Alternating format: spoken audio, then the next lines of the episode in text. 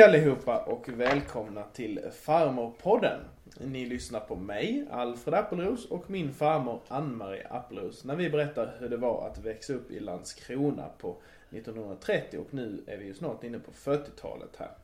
Eh, och vi sitter ju här idag en dag i april och tänkte egentligen börja i en liten speciell ände. För det är ju som så här att sen vi spelade in sist farmor så har det ju hänt en speciell grej i Sverige som har berört många. Eh, och det berörde mig speciellt för jag lyckades faktiskt vara i Stockholm den dagen även om jag åkte därifrån några timmar senare. Och vi hade släkt och sånt som har varit där. Eh, och det är ju terrordådet i Stockholm. Ja, Där just det. eh, några människor, ja, blev av med livet för att det var en person som körde en lastbil. Och, ja, de blev av med livet helt enkelt i detta terrordådet. Ja, och då, la- lastbilen mejade väl ner dem på Drottninggatan där i Stockholm. precis. Och eh, människor fick ju fly in i affärer och till slut hamnade väl den här stora lastbilen inne på Åhléns varuhus. Mm. Och det var ju, blev ju väldigt oroligt i Ja. både Stockholm, klart först och främst, och i hela Sverige. För vi visste ju inte vad som kunde fortsätta att hända. Nej, det var ju väldigt oroligt och jag vet att eh, bara några timmar efter så ringde jag ju dig. För jag, jag hade ju varit i Stockholm eh, tidigare på dagen och, och alla var oroliga och hitan och ditan. Och det var ju mycket oroligt just den dagen. Men sen det som vi kan se nu som jag tyckte är att det har varit i allt detta hemska en så fin sammanslutning. Och det vet jag att vi pratade lite om. Eh, just det här farmor att svenska folket på något vis nästan har slutit samman. Och det har varit så mycket kärlek och omtanke Ja. efter Ja, det. och jag som då har varit med eh, om den tiden när det var andra världskriget. Jag kunde med detsamma känna igen den eh, sammanslutningen som var likadan då. Att man gick tillsammans och man höll ihop. Och var det någonting som man skulle vi skulle till exempel gå riksmarschen. Då skulle pengarna, det kostade lite grann och man betalade för att man gick riksmarschen. Det var en mil man gick och så köpte man något märke. Och det, alla pengar skulle ju då gå till försvaret. Och sen fanns det ju också eh, eh försvarsobligationer. Och det vet jag att eh, faran köpte och det var ju väldigt populärt. Och bland annat så minns jag det var en särskild sång som, eh, ja det var både Ulla Billqvist och Sven-Olof Sandberg som sjöng om eh, obligationerna och vilken bra ränta vi fick och, och så att då var det, det var väldigt sammanslutning och svenskarna gick ihop. Och det jämförde jag nu, jag tänkte även om det kan vara tjafs i vardagen även i, inom Sverige. Så när det gäller någonting så sluter vi oss samman och håller ihop. Mm. Och det är väldigt fint. Ja visst är det det och det, det ger väl oss en så bra början på att fortsätta vår berättelse som vi har börjat Ja. lite på kring andra världskriget. Och som du säger, man, man slöt väl samman både kanske med, men man bidrog med pengar och annat och hjälpte till och sådär. Ja, Ja, allting var ju frivilligt jobb. Man Mm. tog ju inte betalt för att man hjälpte till. Utan allting gjorde man frivilligt. Åtminstone då när det var under andra världskriget. Och vi hade ju nu vant oss vid att leva i skuggan av världskriget. Där hemma i Landskrona. För vi, vi var ju nära Danmark och vi var ju lite oroliga och rädda när planen dånade iväg och de kom ofta ganska nära svenska eh, kusten där. ja såklart. Och sen började det ju eh, att bli så att eh, vi, vi fick veta mer. Det talades ju mycket men det var någonting som vi skulle lära oss också. Man hade en stor bild på en tiger och så stod det en svensk tiger. Jaha. Alltså vi skulle vara tysta, vi skulle tiga, vi skulle inte prata så mycket. Det skulle inte Ah. vara en massa rykte. Och det kommer jag ihåg den där eh, skylten och, eh, som sattes upp överallt. En svensk tiger. Och så Ja, var det en ja. bild på en fin tiger. Ja. Nej, det, för det är sånt man inte tänker på. Jag som tänker på andra världskriget i efterhand, då vet man ju allting. Men jag kan tänka mig att ni visste inte så mycket nej, då. Nej, nej då vi hade ju inte det som nu med TV och, och med eh, alla dessa nyheter som man får veta allt ju. Det var, var det ju inte. Det var ju tidningen för dagen. Ja, En ja. tidning hade vi ju på, på söndagen hade far en extra tidning som man alltid skulle ha. Och sedan var det ju bara en kanal på, på radion. Ja. Så att det var ju inte så mycket. Men sen fanns det ju då andra som hade eh, fina inställda radior som kunde lyssna på vad som skedde lite mer ute i världen och på så vis så Ja, ja. kom det ju ut en del rykte och så också ju. Så man fick veta lite mer. Men eh, ja, hemma i Landskrona gick ju livet. Man får säga vi hade börjat att vänja oss. Jag hade ju nu slutat skolan. Det berättade vi om i förra avsnittet. Mm. Och jag hade varit på mitt sommarlov i Falun hos min syster och hennes familj. Och så kom jag hem då framåt första september. Och då skulle jag ju söka jobb. Mm. Och det var ju inte så lätt att kanske, för jag hade ju inte så lång utbildning utan jag hade tänkt först att jag skulle gå i handelsskola på dagtid. Jaha. Men ja. eh, det blev inte på eh, dagtid för det var väl inte många nog som sökte på det. Men däremot så blev det på kvällstid. Ja, ja. Så att eh, vi skulle läsa det på eh, två år. Men vi skulle jobba då på dagen och gå i skolan på kvällen. Oj, så ni Ja. höll på hela dagarna då? Ja, det blev det. Men, men det började inte med detsamma med det utan först började jag med bara jag passade en liten flicka.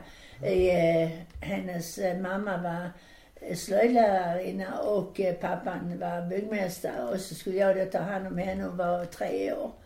Så jag var där hemma och där hade jag det, jag hade det jättebra därför hon kom förresten här uppe från Sölvesborg, Blekinge. Jaha. Och här hade hon släktingar på landet så de skickade ju god mat till dem eh, här för det, det, ja, så jag kunde ju gå hem till mor och far och tala om att idag har vi haft fläskkotlett. Det hade de fått från Blekinge, från sina släktingar. Så jag eh, levde rätt så gott där och bra. Men sen ville jag ju det och jag ville ju jobba på ett kontor och, och vi skulle ju läsa eh, handels och kontorsutbildning. Och eh, då efter jul, det var ju fram i första februari, det var 1943. Mm. Så var vi fyra, eller vi var fem flickor som samtidigt fick eh, arbete på Öresundsvarvet Jaha. i Landskrona. Öresundsvarvet ligger, jag hade ungefär tre kilometer eh, att cykla till. Och sen cyklade man även hem på middagen.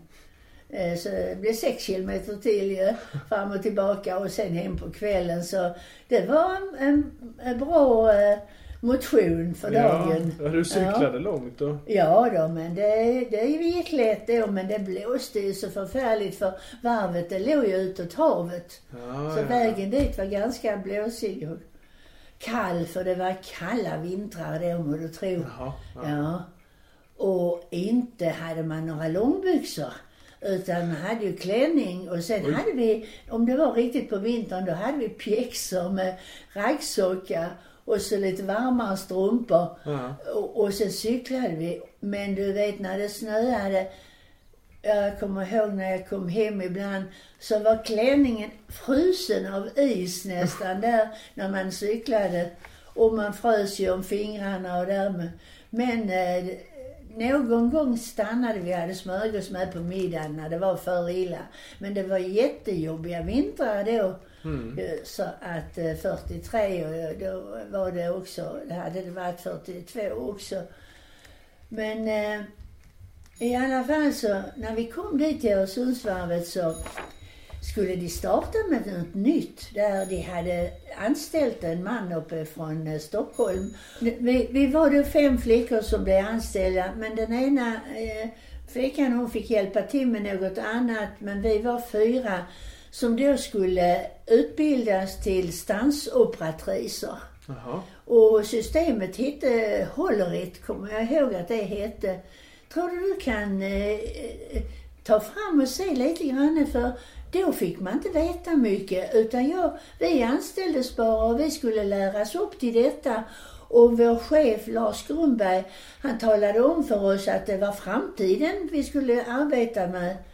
Ja. Och eh, det skulle vara roligt att veta om, om du kan hitta någonting. Jo men det, det stämmer faktiskt fram. Jag googlar fram här lite på telefonen lite snabbt och det, det är ju som du säger där, det var ju hålkortsmaskinen där eh, som, eh, som eh, Holleritz eh, hade tagit fram. Eller rättare sagt det står som så här att hålkortsmaskinen var en mekanisk eller elek, elektromekanisk föregångare till datorn. Och det var Hermann Holleritz som lanserade idén att använda hålkort för lagring av data. Så, eh, och han startade då ett företag som senare eh, blev en del av det här stora datorföretaget IBM. Så det Oj, stämmer nog ja, alldeles ja, ja. utmärkt. Ja, vad roligt att veta för så, vi fick ju inte veta så mycket vad som låg bakom och när det hade börjat och, och kommit till och så. Men, eh, det de- lät ju intressant i alla fall. ju. Ja, de sa att det var framtiden då till ja, er. ja. Så jag, ibland så brukar jag skoja till mina eh, barn och barnbarn och säga att jag har varit en pionjär som fick börja då. Men tydligen så har det kanske varit ännu tidigare. Ja. Vad var Fast det ni gjorde med dessa? Jo, då var det eh, hålkort ju, som vi skulle stansa. Och det, där eh, har jag för mig vi stansade liksom in timmarna som eh, gubbarna jobbade på Öresundsvarvet. Ja. Och, eh, så det skulle bli liksom, de skulle läsa av för deras löner. Okej. Ja, ja, ja. Och sen de här maskinerna som vi säger nu att ni har allting in i er lilla telefon. ja. När vi gjorde detta så var, hade vi ett helt rum som var fullt utav stora maskiner. Sorterare och, och utskrivare och allt sådant. Det tog ett helt rum då. Men vi satt ute vid ett kontorsbord och vi var två flickor, Lilian och jag satt eh, framme och vi stansade och så bakom oss satt två flickor och kontrollstansade. Så Okej. så fort att eh, vi hade tryckt ett fel hål så kände ju de av det. Vi läste ju från listor vad vi skulle. Ja, just det. Och det var ju det binära systemet med ettor och nollor. Ja, ja, ja. Och eh, det var ju rätt enformigt, det tyckte vi ju. Men att vi var ju så glada vi hade fått ett jobb. Och då skulle vi få 18 kronor i, i veckan. Ja, ja. Och jag vet att jag betalade fem kronor hem till mor och far för mat och logi. Ja, ja. Fem kronor. Och sedan hade man ju då tio kronor och det skulle ju vara till kläder och till, ja vi skulle ju betala till fackförening och vi skulle ju betala eh, allt innan man gick till tandläkare och så. Så det var ju inte mycket. Nej. Och då så, en gång så satt vi och pratade med min far hemma, Lilian och jag. Så säger far så här, ja, har han sagt att det är framtiden och att eh, ni ska utbildas det så tycker jag ni ska gå in och be och få lite bättre betalt. För det räcker ju knappt att sula skorna, sa far. ja, ja. Jag tog väl flickorna med mig in, de var lite mer blyga än vad jag var. Ja. Och jag tog dem med in. Vi gick in till Grundberg där. Och så sa jag ju då till honom eh, att ja, vi vill gärna ha lite löneförhöjning. För att herr Grundberg har ju sagt att detta är eh, framtiden och vi ska utbildas. Ja. Och, eh, så, och jag kunde inte låta bli att säga vad min far hade sagt. Fars ord tyckte jag var bra. Så jag sa ju det, det räcker ju knappt med 18 kronor. Och, och det räcker ju knappt bara till att sula skor. och det fick jag höra mycket om sen. Men i alla fall förstår du, så fick vi höjt Jaha. från ja. 18 kronor till 30 kronor. Oj. Det var ju jättebra för jag menar det var ju veckan då ju. Ja, det var nästan dubbelt. Ja, och sen var det inte nog med det för att sen kom den vanliga löneförhandlingen några månader efteråt. Ja. Och då fick vi 36 kronor. Så bättre eh, löneförhandling har aldrig jag varit med om Nej. innan. Men, men i alla fall, det syntes ju att de satte värde på oss. Ja, ja. Men likväl så, ja vi jobbade ju där då några år och eh, satt där och stansade och vi cyklade fram och tillbaka på eh, detta Öresundsvarv. Och jag var med om eh, olika sorters sjösättningar av fartygen. Ja. För då fick vi alltid komma ut och titta när man skulle sjösätta Mm. båtar. Och alla dessa män som hade varit med då och byggt och vi fick gå och titta på inredningen och det var jätteroligt. Och särskilt den dagen då när det kom, som vi sa, lite fina människor och skulle döpa båtarna. Ja, ja, ja. Och då stod vi ju där och den här båten som gled ner från dockan och neg vackert när den eh, kom ut i vattnet. Och det var ju alltid någon eh, dam där som slog champagneflaskan i. Och sen var det middag på mässen. Okej. Men det var liksom, det var en upplevelse. Och jag kommer till och med ihåg flera båtar vad de hette. Ja. Den hette Arabert och Aralis, Karskär och Rönnskär. De båtarna minns jag särskilt, men det var fler då, men i alla fall. Vad, vad, gjorde, vad var det, Det var, för st- båtar? det var stora, stora båtar ju. Jaha. Ja, det var med la- last, eh, både, ja, om det tog ju människor också, men, men, men det var lastbåtar ju, så Jaha. stora ju. Vet du var de gick någonstans sen? Eller det, Ja, det, ja, det kan man, får du väl slå och Ja. läsa om på din telefon igen. Men, men att det var ju riktigt som gick väl tvärs över ja, Atlanten och allt. Ja, ja. Ja då. Ja, Så, det ser man. Ja, Öresundsvarvet var väldigt blomstrande och stort då på den tiden ju. Och, Ja, det måste varit en kul arbetsplats då. Ja, vi hade ju inte, vi, hade, vi var ju många anställda och, och eh, vi hade ju inte så mycket med varandra att göra där men, men att eh, vi trivdes ju eh, då till att börja med. Men sen var det ju det jag berättade om att vi ville ju utbilda oss lite Mm. bättre. Och då hade vi satt oss för, vi, vi läste ju både bokföring och handelslära och, och, och engelska och maskinskrivning och, och då förstår du, jobbade vi, vi till klockan fem.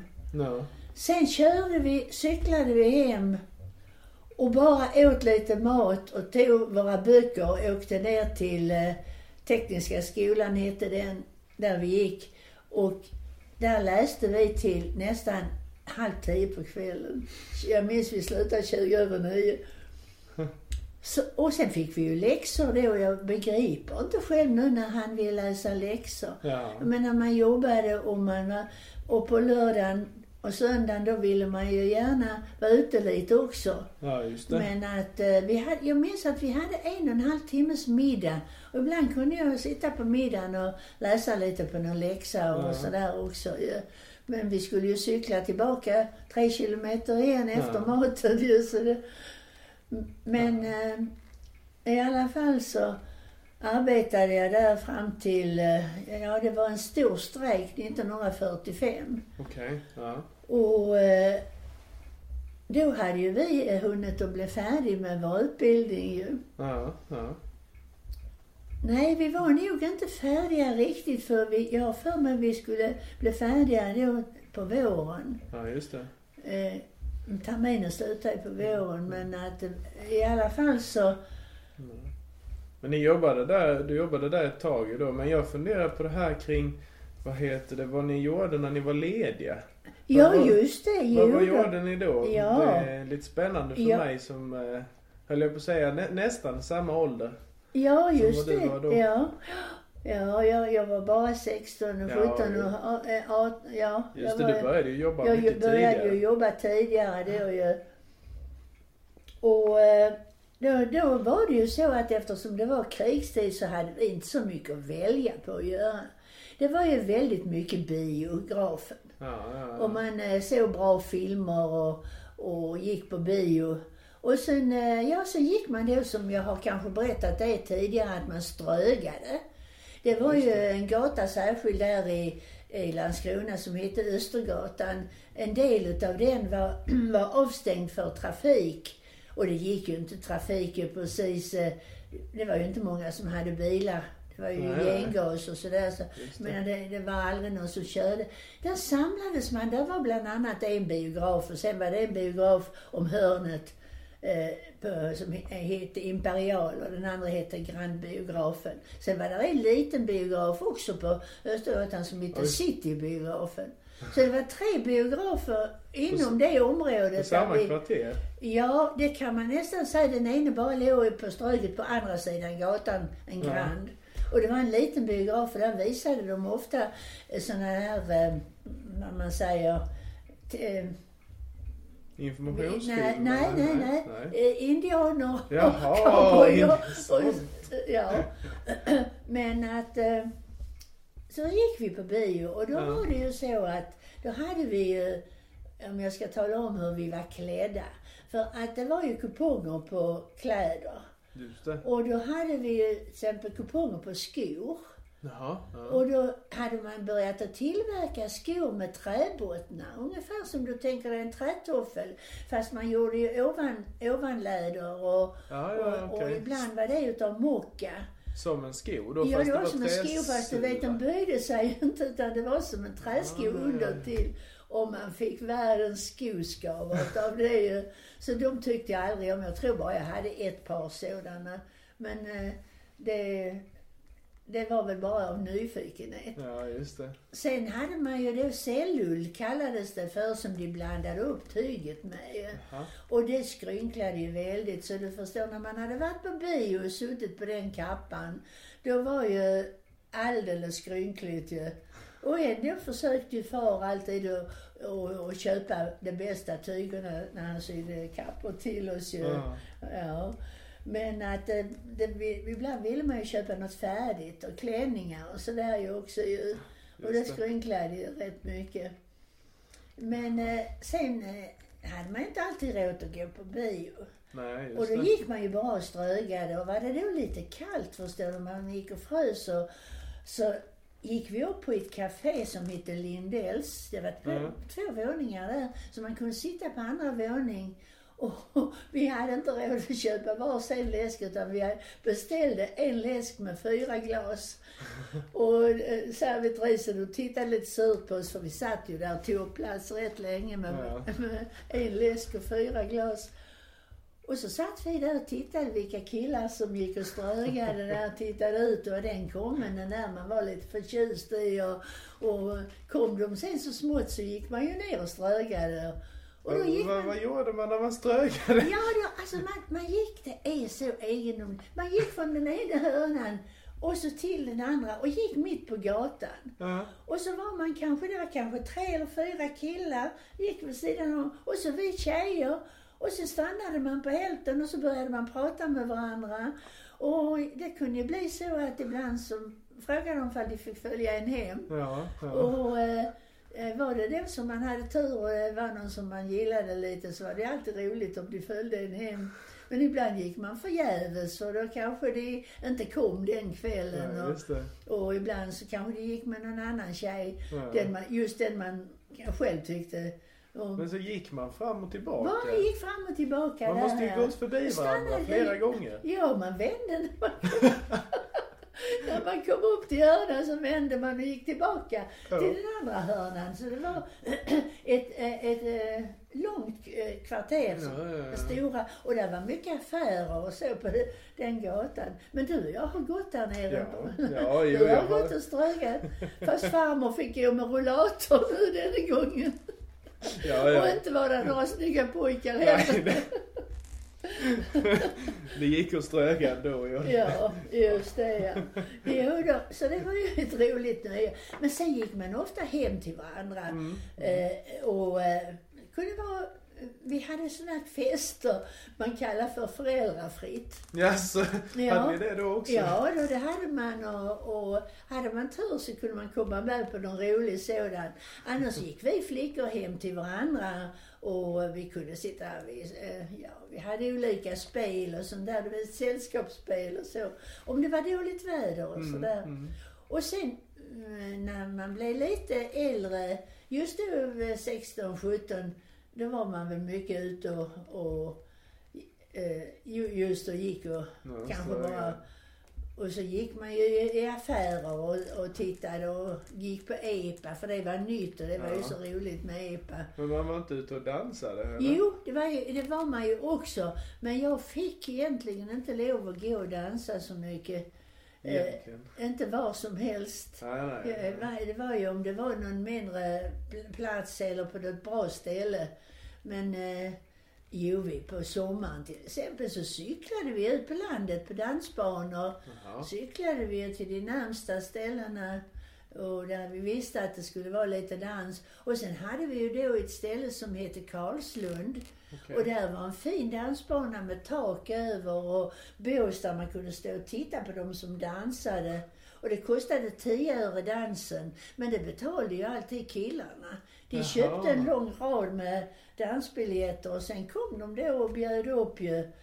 Så att eh, man, Så de de betalade per 10 dans? Det man betalade per dans, det 10 öre ja. Jaha. Ja. Jag minns att de sa det, det skulle räcka till, eh, sa eh, pojkarna, det skulle räcka till både dansbiljetter och till cykelställ. För det kostade 10 öre att sätta cykeln i några där det blev lite bevakade. Ja, så, ja, ja, ja. också. Jo men där ute hade det varit jätteroligt och det var rätt lång väg hem sen på kvällen om man hade sällskap några stycken. Och, ja, Jaha. ska, vi köra ut och titta på det ska jag visa. Ja, det får vi göra. Och, och, det, så, och då var vi där och dansade. Sen var vi faktiskt på rätt mycket eh, underhållning. Det var fina konserter. Och Jaha. det var eh, ofta på Folkets hus var det eh, fina wienerkonserter. Jag minns det var någon som hette Håkan von Eichwald eller något. Och vi var, eh, var kom olika sällskap. Och vi tyckte om att gå och lyssna på musik. Och, Jaha. Ja, Så- ja. så. Så det var blandade men vi nöjen var då? väldigt mycket hemma hos varandra också. Och, Mm, satt och...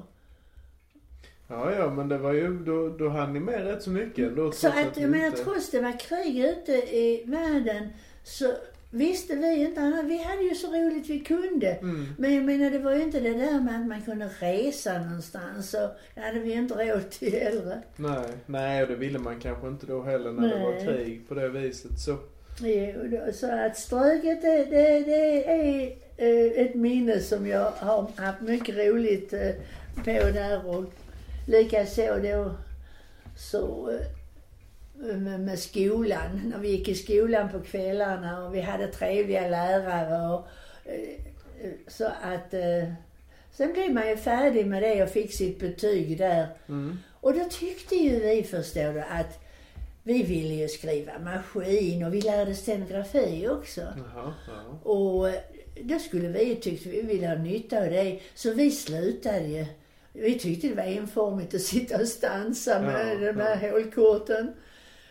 Och då fick eh, både jag och en tjej till, eh, hon heter Ingrid, vi fick arbete på något som heter Sylva. Jaha, Och de ägde alla Resia-affärer i hela Sverige. okej. Resia var eh, lite föregångare för EPA. För där sålde man allt, eh, man, eh, inte mat, Nej. men allt annat som man säger hushållssaker och tvål och, och de tillverkade själv i Landskrona. Det var Mm. just denna fabriken Sylva. Både såpa och tvål och sådant. Det tillverkade de där nere på Sylva. Ja, Och där fick vi kontorsplats. Och eh, fick rätt så bra jobb där ju och så. Men fick- även där fick jag hjälpa till med, med löner. okej. Och eh, jag fick eh, till och med, jag var så ung. Och jag blev skickad till banken när det var, eh, man fick löner var 14 dag på kontoret. Men, men eh, på fabriken fick de var vecka.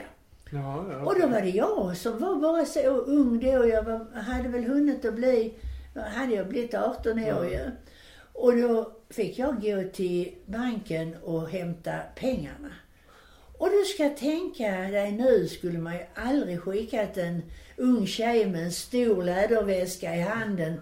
Antingen cyklade jag eller promenerade jag till från Sylva och ner till banken vid Rådhustorget Ja.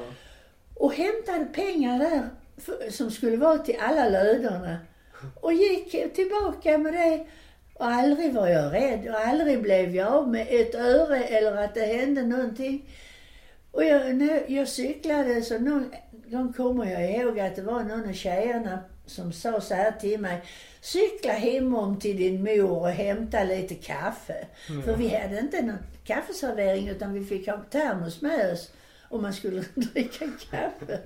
Och jag kom hem med till mor och hon hade gjort i ordning en termos kaffe. Och jag sa till henne, jag har varit på banken och hämtat alla pengarna. Där. Men jag menar, tänk, det var aldrig någon som tänkte på att vara oärlig eller att man skulle bli rånad eller någonting. Nej, ja, det måste varit Allting mycket gick bra. pengar. Det måste varit jättemycket pengar. Ja, det är klart om man jämför det mot vad det skulle vara nu så var det klart mycket då också ju. Ja, ja.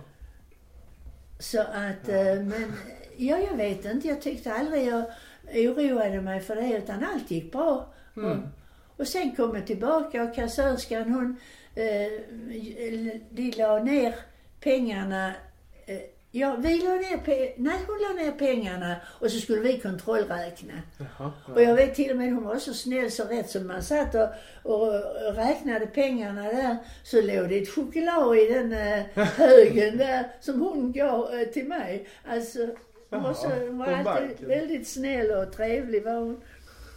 Ja, och det var ju inte bara jag, det var ju en till som hade, gjorde, vi var två som skötte detta. Så vi satt vid sidan om kassörskan och hennes närmaste biträde där. Mm. Och eh, där på Sylva där trivdes jag så mycket bra och vi hade mycket trevligt. Vi hade sån här utsparkningsfester när någon gift skulle gifta sig och, och vi hade o- olika andra fester också.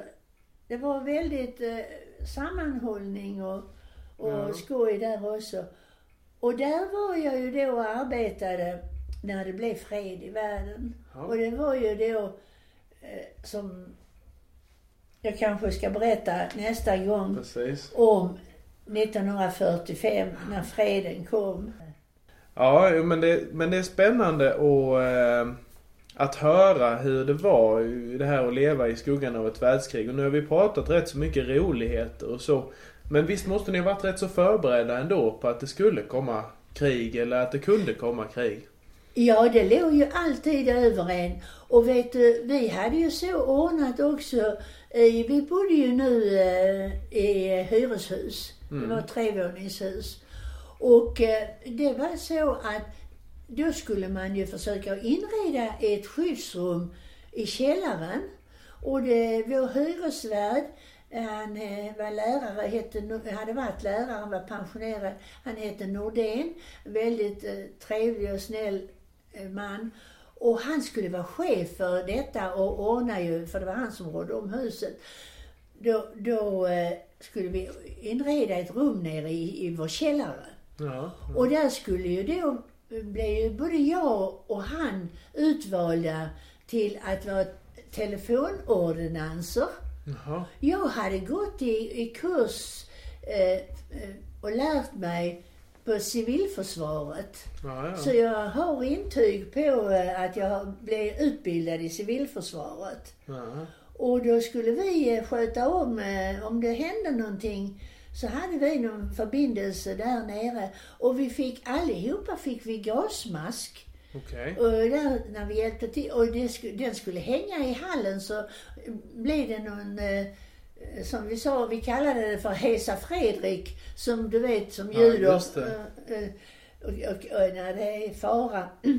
Och hördes det, då skulle vi ju rycka till oss som gasmask ner i källaren och där var ju allt förberett ju. Jaha, så du hade lite så... Skulle Lite uppdrag ja. uppdrag, Och sen hade jag även gått eh, utbildning för Röda Korset. Jaha. Eh, Så att man skulle kunna, jag kunde ju lite från scouterna och så också. Men eh, jag fick ju lära mer. Så att man skulle kunna ta hand om om någon blev skadad.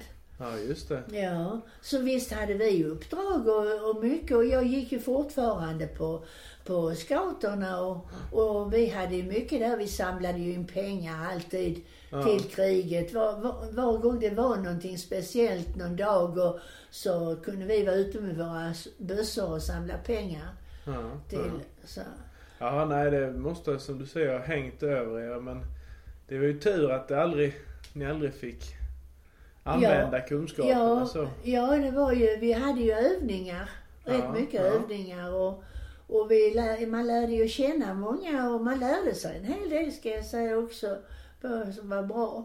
Mm. Med, Ja, ja. mat, mat det var ju alltid eh, jobbigt för mor för det var ju kuponger på maten och så, så vi var ju inte bortskämda heller med att eh, kunna gå ut och äta som vi ville eller jag vet man kunde köpa, i konditorierna kunde man köpa färdigvispad grädde för de hade någonting gelatinaktigt som de la i grädden för att den skulle bli tjock. Vi själv kunde ju inte få, få grädde till eh, Nej, det. nej.